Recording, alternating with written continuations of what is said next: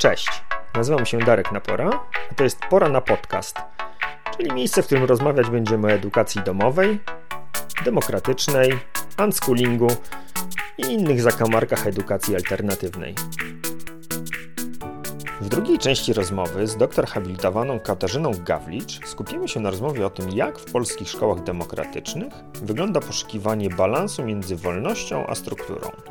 Jakie są role dorosłych, rodziców i dzieci, w jaki sposób zaspokajana jest potrzeba bezpieczeństwa członków społeczności, a także zastanowimy się nad tym, co odpowiedzi na te pytania mówią o nas jako społeczeństwie. Zapraszam.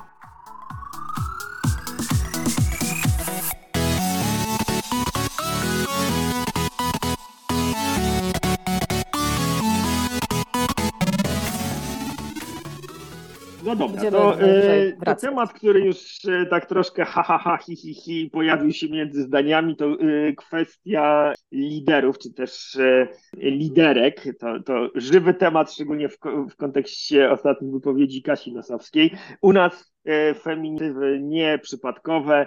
Jest faktem, że szkoły demokratyczne funkcjonują w dużej mierze w oparciu o postać charyzmatycznego lidera, a w zasadzie charyzmatycznej liderki, która bierze odpowiedzialność i, i bierze na siebie bardzo, bardzo dużą część tego ciężaru funkcjonowania szkoły. Jak, jak ty na to patrzysz? I, I, mam na myśli zarówno y, z punktu widzenia takiego day-to-day running, takiego codziennego funkcjonowania tych szkół, jak i też z perspektywy mm, przechodzenia szkół demokratycznych z momentu, kiedy to jest rodzic organizujący szkołę dla swoich dzieci, do tego momentu, gdzie tworzymy niezależną y, organizację, która funkcjonuje dla osób no, niezwiązanych bezpośrednio emocjonalnie, czy, czy rodzinnie w szczególności z tą osobą lidera, liderki. Hmm. Ja bym dołożyła jeszcze, jeszcze jeden element taki, taki wstępny, e, bo to rzeczywiście jest, jest dość, e, mm, no to jest charakterystyczne, że, że w dużej części osobami, które te szkoły zakładają są kobiety e, i to możemy na to popatrzeć z jednej strony jako pewną konsekwencję na trochę innym poziomie takich dość typowych ról kobiet, jako tych osób, które zajmują się dziećmi. E, tyle, że tutaj mamy, nie, nie, nie, nie, nie zajmują się nimi w, w obszarze domowym, ale zajmują się e, nimi również właśnie w tym obszarze szkolnym, przenosząc to na, na, na, trochę, na trochę inny e, poziom. A z drugiej strony też, też kwestia tego, że że również w takiej standardowej edukacji, no tymi osobami, które e, w większym stopniu są włączane, angażowane czy zaangażowane są kobiety, więc, e, więc tutaj właściwie mamy zmianę, zmianę miejsca, ale ten sam wzór. E, natomiast te, te kwestie, o których ty mówisz, no one są, one są rzeczywiście, one są poważne, bo i to zarówno jeśli chodzi właśnie o takie, takie codzienne funkcjonowanie szkół, jak, jak też uzyskiwanie przez, przez nie takiej e, stabilności i, e, i trwałości. To, że tu mamy osobę, na której barkach spoczywa, e, spoczywa szkoła, to ma znaczenie dla takiego jej codziennego funkcjonowania, bo pełnienie takiej, takiej funkcji jest, jest zwyczajnie niezwykle obciążające i, i fizycznie, i emocjonalnie, wymaga takiej bardzo dużej aktywności, bardzo dużego zaangażowania i to jest po prostu strasznie trudne. E, ja rzeczywiście obserwowałam osoby, które to robiły, oczywiście robiły decydując się na to, na to same, ale jednocześnie to jest duży wysiłek i taka wysoka cena, którą się, którą się za, taką, za taką aktywność płaci. I oczywiście się pojawia pytanie, jak długo pojedyncza osoba jest w stanie coś takiego, coś takiego robić. I, e, I tu być może właśnie wracamy do tego wątku dzieci wychodzących ze, ze szkoły i pewnie dopóki one są, to to tutaj ta motywacja, ta motywacja jest. Natomiast gdy, gdy odchodzą, a gdy wszystko ciągle właśnie spoczywa na, na barkach tej jednej osoby, to może się okazać, że, no, że właśnie, że tutaj już paliwo się, e, się, wyczer się wyczerpało. To jest takie jedno, e, jedno zagrożenie, ale też tak sobie myślę, że jedna liderka, jedna osoba to jest jedna wizja. E, I oczywiście ta wizja może być świetna, i gdy mamy tę jedną osobę, która wszystko trzyma, to mamy też gwarancję tego, że ta wizja zostanie zachowana. Ale z drugiej strony, zwłaszcza w szkole, która nazywa się demokratyczna, to można by jednak uznać, że e, to, żeby była przestrzeń, w której będą mogły wybrzmiewać różne głosy i ta wizja nie będzie e, czymś, co ktoś jeden ustali, będzie jej strażnikiem przez, przez kolejne lata, ale będzie właśnie czymś, co, co będzie mogło być wypracowywane w takiej dyskusji, w dialogu, gdzie tych osób i tych głosów będzie, E, będzie więcej, to wydaje mi się, że to, jest, e, że to też, jest, e, też jest istotne. No i też oczywiście jest pytanie o to, co w momencie, kiedy mamy tę jedną osobę i ona jednak tę wizję zmieni, a ciągle będzie, a ciągle będzie trzymała gdzieś tam szkołę, w, hmm. będzie ją prowadziła, będzie za nią odpowiedzialna. A i tutaj też były takie, takie, takie przypadki, że się okazywało, że zaczyna się rozwijać, że, że co innego miało być, a ta osoba prowadząca jednak zaczyna, zaczyna szkołę prowadzić w, w kierunku, który dla rodziców jest, jest, nie, jest nie do przyjęcia. Więc tu pojawiają się też te pytania właśnie o, o, o, o trwałość takich, e, takich inicjatyw, o, e, o ich taką stabilność, e, długofalowe bezpieczeństwo i myślę, że opieranie się na jednej osobie tutaj jest, jest pewnym ryzykiem. No że jednak ważne jest, żeby, żeby wypracować taki, taki mechanizm, dzięki któremu ta odpowiedzialność za prowadzenie szkoły będzie trochę bardziej um, rozłożona. Oczywiście pytanie, jak, jak dzielić rolę, kto ma się czymś zajmować, kto będzie za co odpowiedzialny, co, co, z, tą, co z tą wizją, jak ona będzie mogła być e, zmieniona, w jaki, w jaki sposób. Więc te wszystkie pytania są, ale jednocześnie myślę, że ważne jest, żeby to nie spoczywało na jednej osobie, ale żeby, żeby tutaj tych, tych głosów mogło być więcej, też odpowiedzialność, żeby mogła, żeby mogła być trochę bardziej, bardziej dzielona. Ojku, dziękuję Tobie bardzo, że, że to powiedziałaś. E, szczególnie jako badaczka i osoba, która no, ma aparat do tego, żeby obserwować te, te procesy w taki e, no, merytoryczny sposób, e, bo ja i większość osób e, pracujących w szkołach demokratycznych, no mamy e, to obciążenie w postaci bycia rodzicem dziecka w edukacji demokratycznej czy w konkretnej szkole i to zawsze zaburza jednak ten, ten sposób postrzegania tego, tego, co się w szkole dzieje. No, to jeszcze osobny, to jeszcze osobny wątek. O właśnie. Natomiast y, tak, no ja jednak już współpracując z kilkoma różnymi y, szkołami demokratycznymi, też bardzo postrzegam to jako ogromne zagrożenie. Wydaje mi się, że, że jest to tak, że im szkoła ma większe doświadczenie, to ta demokracja w sensie takiego współbrania odpowiedzialności za, za procesy zachodzące w szkole e, odchodzi coraz bardziej na, na dalszy plan, a, a wizja, czy, czy to przekonanie o tym, jak ta struktura powinna wyglądać, przechodzi do przodu, im szkoły mają większe doświadczenie i im większą e, historię za sobą, e, jakichś takich eksperymentów, uwzględniania coraz większej liczby, liczby członków tej, tej społeczności z, z ich, z ich potrzebami. I, I to jest szalenie ciekawe y, zjawisko. I, czy jak je oceniać, to jest inna sprawa. Natomiast no, warto mieć, mieć to na uwadze, że, że, że, jest to, e, że jest to jakaś, e, jakaś wartość, ta demokracja w sensie współodpowiedzialności jest wartością, która e, leży u podstaw zakładania szkół demokratycznych i to bycie społecznością. Natomiast potem nagle się okazuje, że kolejne osoby dochodzące do szkoły, czy kolejne rodziny, które chcą od nowa wszystko zaczynać i, po, i, i, mają potrzebę sprawdzania, czy po prostu popełniania błędów, które ta społeczność już raz popełniła, no spotykają się nagle z informacją, słuchajcie, my już tu byliśmy, nie chcemy tego robić po raz kolejny, i co wtedy? No nie? Czy to oznacza, że lider czy, czy społeczność bierze odpowiedzialność za wszystkie osoby?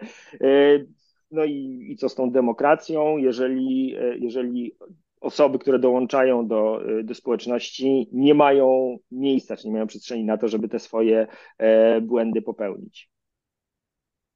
No pytanie, czy, e, czy to, że e, w pewnym sensie nie pozwala się im na popełnienie błędów, które, jak rozumiem, miałyby mieć konsekwencje dla szkoły właściwie, to o czymś takim myślisz?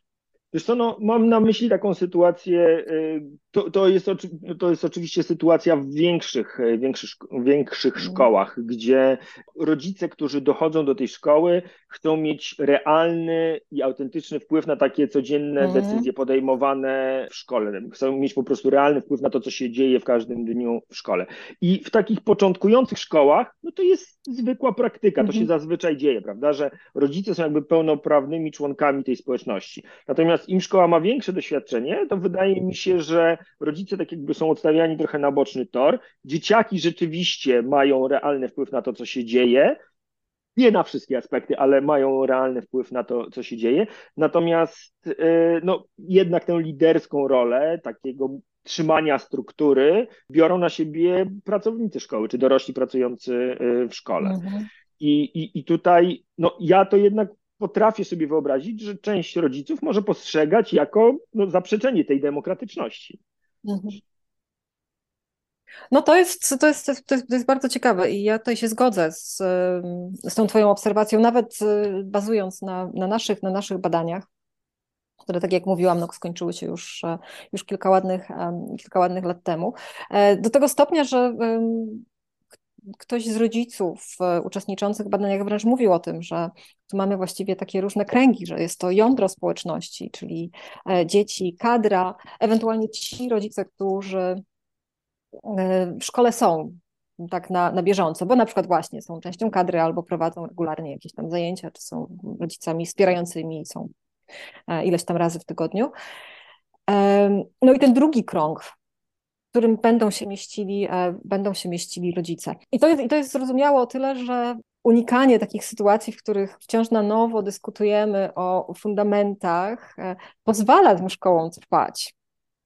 Dla mnie, I dla mnie to jest też w ogóle takie, to było takie, dla, dla mnie bardzo takie symptomatyczne, jak um, czytałam o tych właśnie amerykańskich e, e, wolnych szkołach, e, no i pojawiła się taka informacja, że ich większość padła, zostały, one się, one się rozsypały po, po krótkim czasie, tak jak mówiliśmy wcześniej, natomiast pojedyncze zostały i zostały te, które, w których rodzice byli na marginesie. Czyli te, których rzeczywiście tymi grupami, które decydowały o tym, jak co się w szkole dzieje, jak ona wygląda, były, były, były dzieci, młodzież i, e, e, i kadra. Z jeszcze innej strony, bardzo bliska jest mi, e, jest mi ta koncepcja rozwijana przez przez Petera Mossa i Gunilla Dalberg, takich mm, badaczy wczesnej edukacji, e, głównie, którzy w ogóle dla takiego mojego myślenia też o demokracji w szkole, w przedszkolu bardzo e, duże znaczenie mieli. I oni, i oni rozwijają koncepcję instytucji edukacyjnej, jakiejś szkoły, przedszkola, jako takiego forum w społeczeństwie obywatelskim. I stawiają takie pytanie, czy formułują taki postulat, żeby właśnie, żeby te wszystkie zaangażowane grupy E, mogły być w jakiś sposób włączone. E, I tutaj widzą przestrzeń nie tylko dla rodziców, ale również dla e, lokalnej społeczności, w której szkoła jest osadzona. W przypadku naszych, tych polskich demokratycznych szkół to jest trochę inna historia, bo te szkoły zupełnie nie są takimi właśnie szkołami lokalnymi, które byłyby jakoś mocno związane z lokalną społecznością. Moss i Dalberg tutaj takie, takie, takie, opcje, takie opcje widzą i, no i wręcz mówią, że, że, jeśli, że jeśli szkoła ma być demokratyczna, to te głosy muszą jakoś wybrzmieć. Pytanie jest, jak to zrobić, żeby to rzeczywiście nie było, nie było, nie było destrukcyjne i to, i to jest być może też właśnie takie pytanie, wyzwanie dla liderów, liderek, osób, które w szkołach mm, pracują, które, które je prowadzą. Co zrobić, żeby ta przestrzeń dla głosu rodziców, również tych nowych rodziców, którzy przychodzą z wszystkimi swoimi pytaniami, wątpliwościami i no i też z konieczności doświadczają tego, czego doświadczali rodzice wcześniej, zwłaszcza jeśli mają dzieci, które przeszły przez e, ileś tam klas typowej szkoły i przechodzą przez ten tak zwany detoks w szkole demokratycznej, to oni tego mogą rzeczywiście potrzebować, więc, więc pytanie, jak to zrobić, żeby, żeby ta przestrzeń dla nich również, również była. No i tę przestrzeń no, bardzo różnie się, bardzo hmm. różnie się e, tak. przygotowuje, czy, czy, czy tworzy dla, e, dla rodziców. Ja widzę, że e, tak jak mówisz, no, ta sytuacja, którą opisywaliście mm, w książce, no, jest już trochę historią. Mam wrażenie, że coraz więcej jest przestrzeni na to, żeby, żeby zauważać te specyficzne potrzeby i, je, i jednocześnie je opiekować, a nie tylko komunikować, słuchajcie, już tam byliśmy, nie wchodźmy drugi raz na tą samą ścieżkę. Natomiast no, niezmienny pozostaje e, fakt, że różne szkoły demokratyczne różnie sobie e, z tym radzą. I, i w ogóle, jeżeli ja miałbym jakąś taką znaleźć e, wspólną cechę, która e, łączy szkoły demokratyczne, to, jest to, że jest różnie i różne strategie są, są stosowane. Natomiast z całą pewnością jest tak, że we wszystkich szkołach demokratycznych ta społeczność żyje i jest w procesie i, i bardzo wiele rzeczy się zmienia. I, I to, co działo się te kilka e, czy kilkanaście lat temu, teraz może wyglądać już, e, już w tych szkołach zupełnie, e, zupełnie inaczej. I teraz mam pytanie do ciebie, bo no, taką, no nie wiem, przekonaniem, które ja podzielam, można je bardzo różnie rozumieć, jest to, że dzieci jednak potrzebują jakiś punkt odniesienia, jakiejś, jakiejś stałości, szczególnie w przypadku dzieci neurotypowych, e, jakiejś być może nawet struktury, która byłaby takim oparciem i punktem odniesienia. No i teraz, jak ta nieustanna zmienność i te testowane i sprawdzane narzędzia wpływają e, na, na zaspokajanie tej potrzeby dzieci? Hmm. Nasze badania to nie były, nie były badania, e, w których my próbowaliśmy pokazać, jak coś wpływa na coś. To też nie były badania psychologiczne, w których zajmowalibyśmy się e, jakoś tak bezpośrednio dobrostanem e, dzieci, więc, więc to, o czym mogę mówić, to właściwie mm, głównie o tym, co mówiły osoby pracujące w, szkołach, czy, czy rodzice w związku, w związku z tym. Bo masz rację. Czasem to mówiono, że jedyne, co w szkołach się nie zmienia, to zmiana.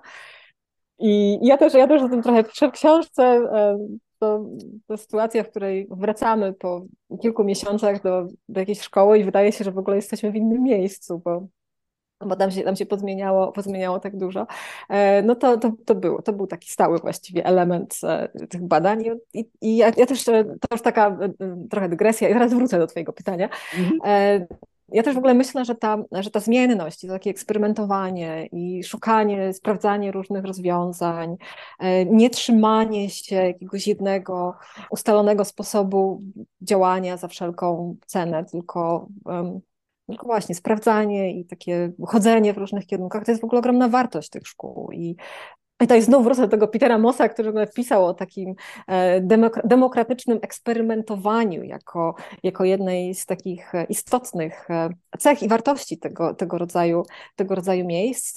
I myślę, że to jest absolutnie nie do przecenienia, że można właśnie zobaczyć, jak, jak, to, jak, jak, jak to będzie i trochę tak pokombinować i posprawdzać. I, i dzięki temu w ogóle coś, coś zupełnie nowego może się, może się pojawić. Więc, więc to, jest, to jest wartość. Z drugiej strony no jest to, o czym ty mówisz, czyli właśnie ta potrzeba potrzeba e, jednak pewnej, pewnej stałości. E, w tych szkołach to czasami w ogóle było określane jako takie mm, takie, szuka, takie balansowanie pomiędzy e, wolnością i strukturą.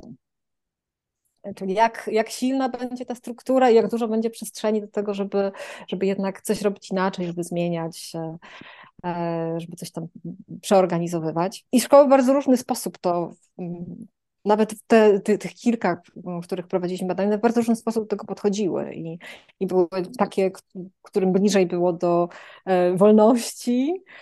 E, pewnie z perspektywy, jakiejś perspektywy można by w ogóle określić jako takie trochę anarchiczne podejście, no i były też takie, którym bliżej było do struktury.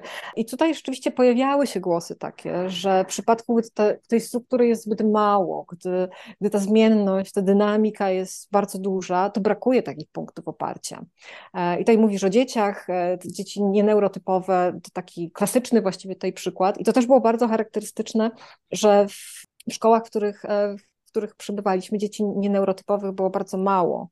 Były takie, w których e, no, były pojedyncze osoby, były takie, w których nie było, e, nie było ich w ogóle i często w ogóle mówiono o tym wprost, że, że to mogą nie być miejsca dla nich, że właśnie ze względu na, na tę zmienność, na, na brak takiej e, trwałej, e, stabilnej struktury, no po prostu mogą się tam nie, nie odnajdywać, a też niekoniecznie były warunki do tego, żeby je żeby je wspierać. Z tego co wiem, to się trochę zaczyna zmieniać, ale, ale tak, tak, tak wyglądała sytuacja w tamtym, w tamtym czasie. Natomiast no, mówiono też o tym, że, że tej stabilności czasem brakuje dorosłym, że również dorośli, kadra potrzebują tego, żeby, no, żeby wiedzieć, jak co działa, co mają robić, co to są odpowiedzialni, e, to się będzie działo, a to nie zawsze, a to nie zawsze rzeczywiście, e, rzeczywiście miało, e, miało miejsce, więc, więc to jest pewne wyzwanie, a jednocześnie też zwrócono uwagę na to, że w momencie, kiedy próbuje się tę strukturę wprowadzić, to ona zaczyna uwierać. Ja to widzę jako takie, takie, ciągłe, takie ciągłe właściwie takie balansowanie, że no, potrzebujemy pewnego porządku, pewnej stabilności, pewnej właśnie struktury, żeby można było w jej ramach działać. Wręcz były wypowiedzi takie, że bez, bez, bez takiej struktury w ogóle nie ma co mówić o wolności, że to właściwie dopiero wtedy możemy, możemy jakoś swobodnie działać, kiedy mamy ustalone jakieś, jakieś ramy. Ktoś tam mówił o tym, że, no, że tak też się rozwija nauka, że, że owszem, że twórczy ferment, że, że ta swoboda, to szukanie, kreatywność, ale jednocześnie potrzebujemy jakiegoś stabilnego, e, stabilnego oparcia. No więc to właśnie, jak znaleźć, jak znaleźć tę równowagę? I tutaj e, sięgnę trochę po jeszcze inne teorie. Taki z kolei e, inny brytyjski, brytyjski badacz szkół alternatywnych, e, alternatywnych Peter Kraft, e, on opisując alternatywne szkoły, on się posługuje taką kategorią disorder. This pisane z ukośnikiem. I on wprost na to zwraca uwagę, że właściwie to jest taka charakterystyczna cecha różnych tych alternatywnych instytucji, podejść, że, że właśnie jest to balansowanie między tym porządkiem i nieporządkiem. E, I to i w sensie takim dosłownym, no oczywiście ten e, bałagan panujący w wolnych szkołach e, no jest w sensie realny bałagan. Realny. Tak, realny, realny, realny bałagan. Ale też, ale też w takim sensie no bardziej metaforycznym, że też chodzi o, o właśnie o taki porządek, jako takie pewne, pewne ramy, w których mm, te procesy edukacyjne mogą się, mogą się toczyć, ale jednocześnie e, z tą przestrzenią dla nieporządku, czyli takiego odchodzenia od, od pewnych takich trwałych wzorców, od tego, co zawsze się robiło, e, czyli właśnie ten taki twórczy ferment. I to jest, to jest również fascynujące i to jest jedno z tych, z tych wyzwań, których tutaj jest, jest cała masa. No właśnie jak, jak ten, jak, gdzie, gdzie, ten, gdzie ten punkt ciężkości znaleźć? To nie, to nie ma jednego punktu. W różnych szkołach wygląda to inaczej, też w konkretnych szkołach, i to było bardzo wyraźnie widać na przestrzeni tych naszych badań, on też się przesuwał. I te szkoły gdzieś tam przechodziły od e, większej swobody do, e, do takiej bardziej stabilnej struktury i z powrotem. E, I to negocjowały i dyskutowały. To jest właściwie zawsze otwarte. Słyszę ekscytację w Twoim głosie i to, to dla mnie też jest jeden, jeden z fajniejszych kawałków w twojej, w twojej książce, e, kiedy czytałem te wypowiedzi liderów i pracowników, jak oni się nam piskorzyli, opowiadając o tych e, stałych czy obowiązkowych w cudzysłowie elementach. I tak widać było, że oni by chcieli, żeby jakoś tam było i mają swoje wyobrażenie o tym, jak, jak, jak, jakby to było preferowane, ale jednocześnie nie chcą powiedzieć, że to jest obowiązkowe i masz być tu i teraz, bo mm. nie wiem, czy to będzie krąg, czy to będą jakieś zajęcia, na które się zdecydowałeś, czy zdecydowałaś. To jest szalenie, e, szalenie ciekawy, e, ciekawy kawałek. A czy ty masz jakiś, teraz już się pytam jako osobę, nie naukowca, czy ty masz jakieś swoje opinie na, na ten temat? Co, co, o, o czym to twoim zdaniem jest, że jednak nie ma tej gotowości, żeby przyjść powiedzieć, słuchaj, kręgi są u nas obowiązkowe, czy tam powitajki są u nas obowiązkowe i masz być, tylko to jest, no słuchaj, chcielibyśmy, żebyś była, ale jak cię nie będzie, no to to jest twój wybór, ale wiesz, że to jest freedom e, to, a nie freedom from. W czasie naszych badań było tak, że były szkoły, w których e, były obowiązkowe pewne zajęcia, na przykład WF, bo się okazało, że wszystkie dzieci mają jakieś wady postawy i coś jest nie tak z ich ciałami. Znano, że no dobra, wolność wolnością, ale tutaj chodzi o zdrowie, więc te sportowe zajęcia będą obowiązkowe. Przez jakiś czas były. E, kręgi przynajmniej częściowo obowiązkowe. Mhm. Więc to też nie jest tak. Te elementy, te elementy się pojawiają. No oczywiście to jest no, pytanie. Jesteśmy Tutaj wolność jest dla nas istotną wartością. No, przyjmujemy te zasady, na przykład właśnie tak jak to Judek formułuje, czyli tam e, no, to prawo do decydowania o wszystkich aspektach swojego życia w, w szkole, no to i każemy przychodzić na jakieś zajęcia, czy na kręgi, czy na coś jeszcze. E, no ja sobie myślę, że to zawsze jest też pytanie, po co się pewne rzeczy robi. W ogóle dla mnie to jest takie kluczowe edukacyjne, edukacyjne pytanie, więc dlaczego coś wprowadzamy, czemu to ma służyć i o co właściwie nam w tym, w tym chodzi, dlaczego jest, to, dlaczego jest to dla nas ważne. I tak sobie myślę, że, e, że jak z tej perspektywy popatrzymy na, na te kwestie obowiązku, no to no znów nie będzie jednoznacznej odpowiedzi, bo tu będzie zależało dużo od tego, jak sobie odpowiemy na to właśnie pierwsze pytanie, czyli, czyli po co to robimy. Jeśli zależy nam na szkole, która będzie współtworzona przez wszystkie osoby, które będą w nią zaangażowane, które będą brały za nią odpowiedzialność, no to pewnie odpowiedź na pytanie o to, czy należy uczestniczyć w kręgach, czy sprzątanie jest obowiązkowe, będzie inna niż wtedy, kiedy, mm, kiedy uznamy, że ważna jest dla nas taka jednostkowa wolność. Mm. I to jest znów przechodzimy do, do, do, tej, do tej kwestii, e, jak się ma, jak się ma jednostka do, e, do społeczności. To następna taka, następny taki obszar balansowania bardzo, bardzo wyraźnie w tych, w tych szkołach.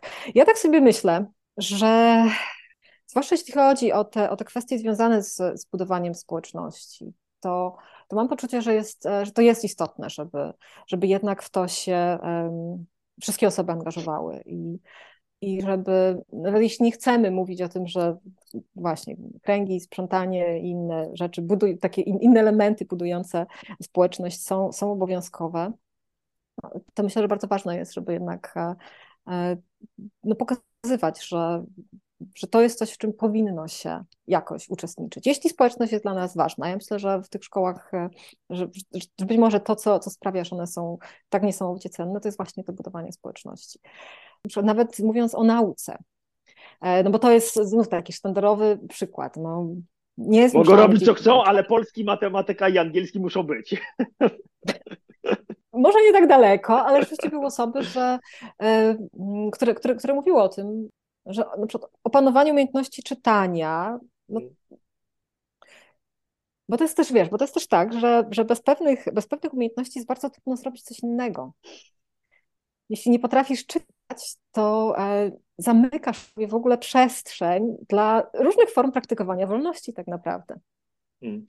Ojku, bardzo dużo y, i bardzo ciekawych y, wątków poruszyłaś. E, ten ostatni to y, chyba skwituje po prostu w ten sposób, że rodzice, którzy rozpatrują zapisanie dziecka do szkoły demokratycznej, powinni mieć świadomość tego, że ta rola dorosłych w różnych miejscach się bardzo różni i trzeba bez patrzenia przez różowe okulary popatrzeć na to, co w danej szkole się dzieje i sprawdzić, czy rzeczywiście mam na to gotowość, że moje dziecko albo nie będzie w ogóle zmuszane do niczego i będzie mogło przez cały dzień grzebać patykiem w ziemi, albo w danej szkole demokratycznej są jakieś fragmenty funkcjonowania czy fragmenty struktury, które są obowiązkowe i czy ja z moim wolnościowym e, podejściem do edukacji mam gotowość na to, że moje dziecko będzie miało obowiązki i będą jakieś fragmenty funkcjonowania tej społeczności, w których brać udział będzie musiało niezależnie od tego, czy mu się to podoba danego dnia, czy nie.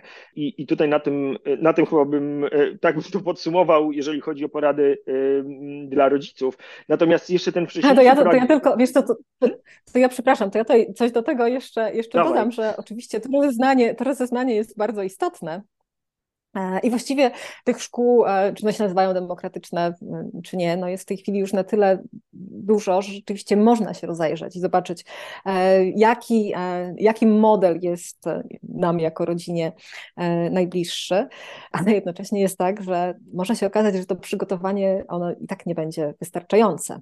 Mm. I to jest, i to jest taki wątek który się wyłonił w naszych badaniach, jeden dla mnie, jeden z takich najbardziej dla mnie fascynujących, bo też zupełnie niespotykanych, e, znaczy niespodziewanych, e, to jest To jest właśnie ten wątek wiążący się z rozwojem rodziców w tych szkołach i z tym, że, że nawet, nawet rodzice, którzy właśnie wiedzieli, wiedzieli na co się piszą, wydawało im się, że wiedzą o co chodzi w edukacji demokratycznej, to gdy trafiali do tej szkoły i konfrontowali się tak bezpośrednio z tym, co to właściwie oznacza, że dziecko może podejmować decyzje, czym jest ta wolność, no to, to, to się okazywało, że to też było jakimś, jakimś wyzwaniem. Ja um, trochę o tym piszę te, mm, w kategoriach takiego transformatywnego rozwoju rodziców i, e, i te wypowiedzi osób, które mówią o tym, że one są innymi osobami niż były tam te, ten rok temu, e, czy tutaj w tej szkole zwrócały jakieś pancerze i stawały się bardziej sobą, że zaczynały rozumieć, co coś oznacza, że też własną biografię, y, taką edukacyjną często jakoś musiały sobie e, zweryfikować, to było, to było fascynujące. Więc przygotowanie tak, ale jednocześnie z, takim, e, no z taką świadomością, że może się okazać, że ono że ono nie będzie pełne i że, i że i tak jakieś, jakieś niespodzianki mogą się e, pojawić i jakąś taką swoją pracę trzeba będzie wykonać. E, stąd właśnie był ten mój komentarz a propos przeczytania Twojej książki, że jeżeli rodzicom się wydaje, że przeczytanie książki naukowej na temat szkód demokratycznych jest ciężkim zadaniem, to może niech się jeszcze zastanowią dwa razy, czy chcą się decydować na szkołę demokratyczną, bo na pewno nie będzie łatwo. No nie bez, nie bez powodu e, niektóre osoby prowadzące szkoły mówiły nam o tym, że na rozmowach, e, e, wstępnych rekrutacyjnych rozmowach właściwie przedstawia się szkoły w najgorszych barwach, mówi się o wszystkich najgorszych rzeczach, które mogą się, mogą się zdarzyć, żeby tutaj rzeczywiście takich mniej zdeterminowanych odstraszyć, żeby wiadomo było, że tutaj no, nie piszemy się na, na, coś, na, coś, na coś łatwego. To w ogóle jest bardzo, no, jest bardzo ciekawe. To, że dla, dla wielu osób te doświadczenia e, pobytu w szkołach e, demokratycznych są też tak bardzo trudne, myślę, że to mówi e, sporo o nas jako, jako o społeczeństwie. Bo właściwie, gdy, gdy pomyślimy o tym, co w szkołach demokratycznych się dzieje, to na jakimś poziomie możemy stwierdzić, że po prostu tam się poważnie traktuje i realizuje prawa dziecka. E, mówiąc innym językiem, no, szanuje się dziecko, daje się mu możliwości um, swobodnego działania, decydowania, więc, więc, więc właściwie nie jest to niczym szczególnie wywrotowym. Więc to pytanie, dlaczego mimo wszystko, i to jeszcze um, wśród rodziców, którzy nie są, e, nie są typowymi rodzicami, jednak do tych szkół trafiają osoby, które już pewne rzeczy mają przemyślane czy poukładane. Dlaczego to i tak wciąż jest, e, albo może być, może być pewnym, pewnym wyzwaniem. I jak nam właściwie jako społeczeństwo, jak nam bardzo trudno jest e, gdzieś wyjść poza myślenie o, o tych hierarchicznych relacjach między dorosłymi i dziećmi, o tym wyobrażeniu dziecka jako no właśnie tej osobie, którą trzeba kierować, prowadzić, e, kontrolować i, i nawet jeśli tutaj dajemy, dajemy tę przestrzeń do działania, to, to, to nie jest takie łatwe. Mm. No. no. Ja e, koniecznie muszę zacytować tutaj jedną z rozmów e, z Eudeku, którą e, z Magdą Sają na ten temat przeprowadziłem w Trójmiejskiej e, Nieszkoły Demokratycznej i e, o, rozmawialiśmy właśnie o, o, tej, o tej strukturze i o o takiej, o tym, co my w ogóle rozumiemy przez e, postawę społeczną. I to też było dla mnie, no, no, aż mi się teraz oczy e, w mokrym miejscu pojawiają, e, jak, jak to sobie wspominam, bo jednak mamy takie przekonanie o tym, że, że postawa społeczna to jest to, że, że wszystkie osoby są zaangażowane w to, co się w tej społeczności dzieje. Ja o tej obowiązkowości uczestnictwa w różnych aspektach funkcjonowania tej społeczności myślę sobie właśnie w taki sposób, że no kurczę, nie jest tak, że w społeczności wszyscy będą gotowi w równy sposób się zaangażować w jej e, codzienne działania. To, co, to, co Magda wtedy powiedziała, to to, że ten wybór niebrania e, udziału w pewnych no, takich ważnych dla społeczności elementach e, tej struktury też jest bardzo istotną lekcją, bo to jest lekcja zaufania wzajemnego. Z jednej strony tej osoby, która decyduje się nie brać udziału w tej, w tej strukturze, że ja mam zaufanie do Was, że Wy mnie weźmiecie pod uwagę, i z drugiej strony lekcja dla osób, które mają te zasoby, żeby tę, e, tę osobę, która z jakichś przyczyn nie ma zasobów, żeby wziąć e, udziału e, w tym, w tym fragmencie struktury, uwzględnić i, i, i zaopiekować znowuż dla rodziców i dla dzieci to jest bardzo ważne, że w różnych placówkach może to różnie wyglądać i, i, no i żeby po prostu być w stanie e, sprawdzić to ze sobą, jak, e, czego ja oczekuję od siebie, od, od e, szkoły i od swojego dziecka e, w, w, takiej, e, w takiej społeczności. Mhm. Tak, to jest, ja się, ja się z tym, ja się z tym absolutnie, absolutnie zgadzam. To, o czym Magda mówiła, co, co, co przywołujesz, to też takie właśnie to dostrzeżenie, że różne osoby w różnym miejscu mogą, mogą być i, w, i mogą mieć e, różne możliwości działania, różne właśnie, różne zasoby i, i to też dobrze, dobrze, jest to, dobrze jest to usłyszeć. I też e, wracając znów właśnie do tego uczestnictwa, nieuczestnictwa, też jest, też jest pytanie o to, dlaczego pewne rzeczy, pewne osoby uczestniczą, inne nie uczestniczą, co za tym nieuczestnictwem stoi. To pewnie znów e, wyzwanie dla innych osób, żeby też się temu przyjrzeć i zobaczyć, zobaczyć co, co za tym jest. Ja bym do tego dołożyła jeszcze, jeszcze jeden element, to jest e, mm, pewnie dla takiego nieuczestniczącego dziecka, dziecka, które nie uczestniczy w procesach decyzyjnych, może w ten sposób, mm. bezpośrednio na przykład właśnie, biorąc udział w, biorąc udział w, w kręgach albo nie biorąc udziału w kręgach, no to jest też pewnie takie doświadczenie tego, jak to jest gdy trzeba, gdy o czymś się nie decyduje, a gdy potem to mnie dotyczy. I tu myślę na przykład właśnie o tym, że w czasie jakiegoś kręgu może być wprowadzona jakaś zasada, która będzie obowiązywała wszystkich. Również tych, mm również te osoby, które nie brały, zdecydowały się nie brać udziału w, w jej wypracowywaniu. I też jest pytanie, jak mi z tym? No? Mega ciekawe i bywa różnie, dlatego, mm -hmm. e, dlatego ten mój apel dla rodziców e, o to, żeby, żeby to posprawdzać i, i być gotowym na, na ciężką pracę ze sobą i, e, i ze swoimi emocjami w procesie. Dobra, o, ostatnie pytanie, e, które chciałem Ci zadać, dotyczy tych czarnych scenariuszy, o których e, wspomniałaś, bo niemal ikoniczny jest obraz dziecka e, siedzącego gdzieś na jakiejś wysokiej gałęzi w szkole demokratycznej. Jak ja przyszedłem do pierwszej szkoły demokratycznej w moim życiu, e, to pierwsze co zobaczyłem to było dziecko z młotem pneumatycznym na bosaka wygrzebujące jak jakiś wielki kamol z podziemi no, ogólnie w szkole demokratycznej mogą się pojawiać sytuacje, które są potencjalnie niebezpieczne. Tak realnie, fizycznie będące zagrożeniem dla bezpieczeństwa, zdrowia i życia dzieci. Z drugiej strony, w szkołach takich systemowych, e, no, na wszystko wszyscy mają podkładkę, dokument. E, no, nauczyciele boją się dziecko wypuścić do toalety, bo się potknie na schodach, rozbije głowę i o Boże, ja będę za to odpowiedzialny, a prokurator mnie rozszarpie. Jak z tej perspektywy widzisz e, tę kwestię roli dorosłych i e, roli dorosłych w sensie opiekunów dzieci, rodziców dzieci i dorosłych, którzy biorą dzieci, czy biorą odpowiedzialność za dzieci w szkole, w szkole demokratycznej? Hmm. Ja po prostu świadomiłam, że ten wątek bezpieczeństwa jakoś bardzo um, słabo wybrzmiewał w naszych badaniach. I, i, I tak na poziomie obserwacji, ale też w wywiadach to właściwie było coś, co, co dosyć rzadko się, się pojawiało. I mm, jak sobie teraz o tym myślałam, to po prostu takie uderzające to dla mnie, dla mnie było. Bo rzeczywiście to, o czym mówisz, no to, dzieci robiące potencjalnie niebezpieczne rzeczy, no to po prostu tak, tak, tak jest. Przypominam sobie kilka takich, takich, takich sytuacji, w których członkowie czy członkinie kadry komunikowali wprost, że pewne zachowania są ryzykowne, że, że oni się tego boją, że są odpowiedzialni za, za dzieci i nie chcą, żeby to, robili w tak, to robiły w taki lub w taki sposób, albo, żeby, e, albo chcą, żeby ustalić jakieś jasne zasady, jak to będzie, jak to będzie, będzie działało i w jaki sposób będzie można robić.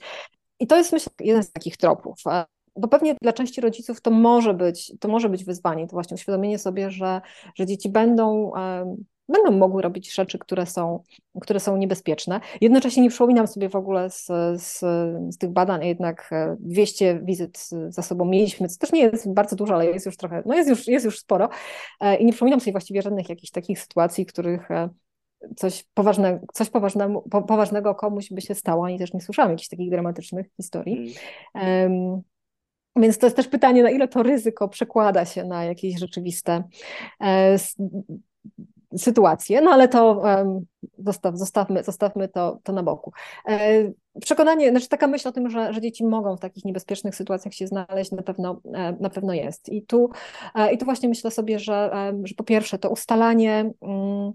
Ustalanie zasad, dogadanie się, w jaki sposób można, można coś e, robić, jak, e, jak nie, to jest, e, to, jest, to jest jedna rzecz. Czyli organizowanie tych potencjalnie ryzykownych sytuacji w taki sposób, żeby jakoś sensownie to ryzyko ograniczać. No też nie chodzi o to, żeby, e, żeby dzieci jakoś celowo stawiać w sytuacjach, w których ich bezpieczeństwo będzie, będzie zagrożone, ale bardziej o to, żeby one też nauczyły się po prostu bezpiecznego funkcjonowania, bez, bez takiego e, ich pilnowania czy zakazywania im robienia pewnych rzeczy, bo są, bo są niebezpieczne. Też taki przykład z, znów to nie będzie, nie będzie z, z, z, z szkół, ale to będzie z jakiegoś przedszkola, w którym, w którym byłam, gdzie osoby dorosłe mówiły wprost, że e, czasem jest tak, że one same nie są gotowe do tego, żeby dzieci coś robiły, przebywając z nimi, bo obawiają się tego za bardzo, bo no, czują, że nie czują się z tym komfortowo i one mówią dzieciom wprost, że nie, ja nie chcę, żebyś ty tam wchodził czy wchodziła na to drzewo, ale idź sprawdź, może jakiś inny dorosły będzie, nie będzie miał nic przeciwko. E, więc też pokazywanie, że różne osoby mogą tutaj mieć, mieć różnie i, i nie wszyscy będą się godzić, godzić na to samo. Ale jednocześnie, i to też też taka, taka wypowiedź, to już polski kontekst, która bardzo, bardzo mocno mi zapadła w pamięć nauczycielki, która mówiła o tym, że znaczy ona ma taką świadomość, że dzieci e, angażujące się w pewne ryzykowne zachowania, one mogą coś sobie zrobić i ona jako e, osoba, która jest za nie odpowiedzialna, może ponieść tego konsekwencje. I to mogą być konsekwencje e, no, bardzo czasem poważne może na przykład znaleźć się w więzieniu. No taki przykład, tak, tak, mhm. tak wprost o tym mówiła. Ale, i tutaj dodawała, no jest przekonana, że to jest, że tego rodzaju zachowanie to, to jest coś, czego dzieci potrzebują. Że one potrzebują tych sytuacji, w których e, podejmują właśnie pewne, pewne ryzyko i ona, będąc nauczycielką, bierze to na siebie, że to jest część, że to jest część po prostu jej, jej, jej, jej pracy, ale to jest oczywiście taka postawa, no, którą ktoś może chcieć przy, przyjąć, a ktoś inny nie. To jest w ogóle bardzo ciekawy, bardzo ciekawy wątek, nie tylko, nie tylko w tych szkołach, ale w ogóle gdy myślimy, gdy mm. myślimy o, o edukacji, to mówiłeś o, o systemowych szkołach i e, obłożeniu papierami i procedurami i tak dalej. No, one same nie sprawiają, że dzieci są bardziej bezpieczne. No. One sprawiają tyle, że, e, że można wytłumaczyć pewne zachowania, pewne sytuacje, gdy, gdy, się, gdy się pojawią, ale nie, nie sprawiają, że, e, że w ogóle bezpieczeństwo dzieci rośnie. No jak taki niemiecki badacz Roger Prott mówił, pedagogika nie jest sztuką pokonywania, nie jest, nie jest sztuką unikania ryzyka, tylko e, pokonywania zagrożeń, więc tu raczej myślę, myślę, że powinniśmy myśleć o tym, co zrobić, żeby właśnie dzieci uczyły się, jak bezpiecznie działać, niż E, niż likwidować wszystkie sytuacje, w których to ich bezpieczeństwo może być zagrożone. Myślę, że, e, że tym, tą ostatnią anegdotą znaleźliśmy może jakiś wspólny mianownik dla, dla szkół demokratycznych e, i o tym, jak traktowane są osoby w, w tych społecznościach, że zarówno dziecko, jak i dorośli, w sensie kadra, mają przestrzeń na to, żeby być w tym uwzględniani. I, i ta opowieść o tym, że że zasady zawsze są względne w stosunku do tego, jakie są nasze możliwości, jakie są nasze zasoby, jest, jest totalnie kluczowa. I e, mm, ja e, osobisty, osobista podobna anegdota dotyczy wszelkich zabaw takich siłowych, gdzie e, dzieciaki zaczynają się ze sobą przepychać, jakieś takie zapasy, które dla bardzo wielu osób, ze mną włącznie, są już totalnie poza moją granicą komfortu. Ja nie chcę brać w tym udziału, natomiast są osoby w kadrze, które mają na to gotowość i, i, i wręcz e, wspierają dzieci, towarzysząc im właśnie w takich zabawach, które dla mnie i dla wielu innych osób mogą być totalnie poza strefą komfortu. I jest na to wszystko miejsce w szkołach demokratycznych. Mhm, I to, jest, i, to jest, i to jest, myślę, bardzo ważne. E, czasami e, tutaj się mówi o tym, że no musimy mówić jednym głosem, że tutaj mamy, trzymamy wspólną linię, no ale dlaczego? No jesteśmy różni. E, mamy różne przekonania, różne wartości, różną gotowość i, no i nie możemy, nie możemy po prostu zawsze mówić, mówić jednym głosem. To nie mówienie jednym głosem, jak już mówiliśmy wcześniej, to w ogóle samo w sobie jest, jest dużą wartością i to dzięki temu tutaj też mogą, może coś nowego powstawać. I tak samo może być nawet w rodzinie, że mama z tatą się nie muszą zgadzać. Mhm. Bardzo, bardzo Tobie dziękuję za rozmowę i poświęcony czas. Mam nadzieję, że ta wiertarka nie, nie zrobiła Ci w głowie kiślu. E, I e, raz jeszcze ogromne podziękowania za, e, za to, że zgodziła się ze mną pogadać. Dziękuję również. To bardzo było interesujące dla mnie. I mam nadzieję, że komuś, komuś to czegoś się przyda. Nie, no z całą pewnością. Rodzice, którzy nie, nie, nie zabrali się jeszcze za czytanie Twojej książki, dostają dzisiaj kopa, że mają się zmusić i przeczytać, zanim e, zdecydują się zapisać dziecko do szkoły demo. Ja bym nie stawiała tego tak radykalnie. Ja stawiam. Ale jeśli, ale, jeśli, ale jeśli mają ochotę, to pewnie czegoś o tych szkołach się z niej dowiedzą. Wow, wow, wow. E, to jeszcze nie koniec. E, jeszcze dwa słowa komentarza. E, być może zwróciło Waszą uwagę to, że mm, w rozmowie z Kasią, mm, czy w zasadzie w wypowiedziach Kasi pojawiały się takie dość długie, dla mnie trwające całą wieczność, przyznaję szczerze, choć obiektywnie jedno-dwusekundowe pauzy, w których Kasia pozwalała sobie na zebranie myśli i uznałem, że mm, to jej zachowanie, czy ten sposób mówienia jest na tyle ciekawym i ważnym doświadczeniem, że chciałem się po prostu nim podzielić i nie usuwałem tych chwil ciszy. I zostawiam Was z tym. Pomyślcie sobie, jak się z tym czuliście. No dla mnie to było bardzo, bardzo ważne doświadczenie. I teraz już koniec.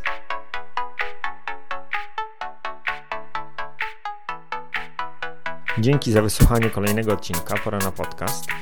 Jeśli uważasz, że był wartościowy, cenny, ciekawy, to zachęcam Cię do udostępnienia go. Jeśli masz jakieś pytania, wątpliwości dotyczące edukacji domowej albo któregoś z tematów, który poruszaliśmy w odcinku, to zapraszam Cię do kontaktu. Mój adres znajdziesz w opisie tego odcinka.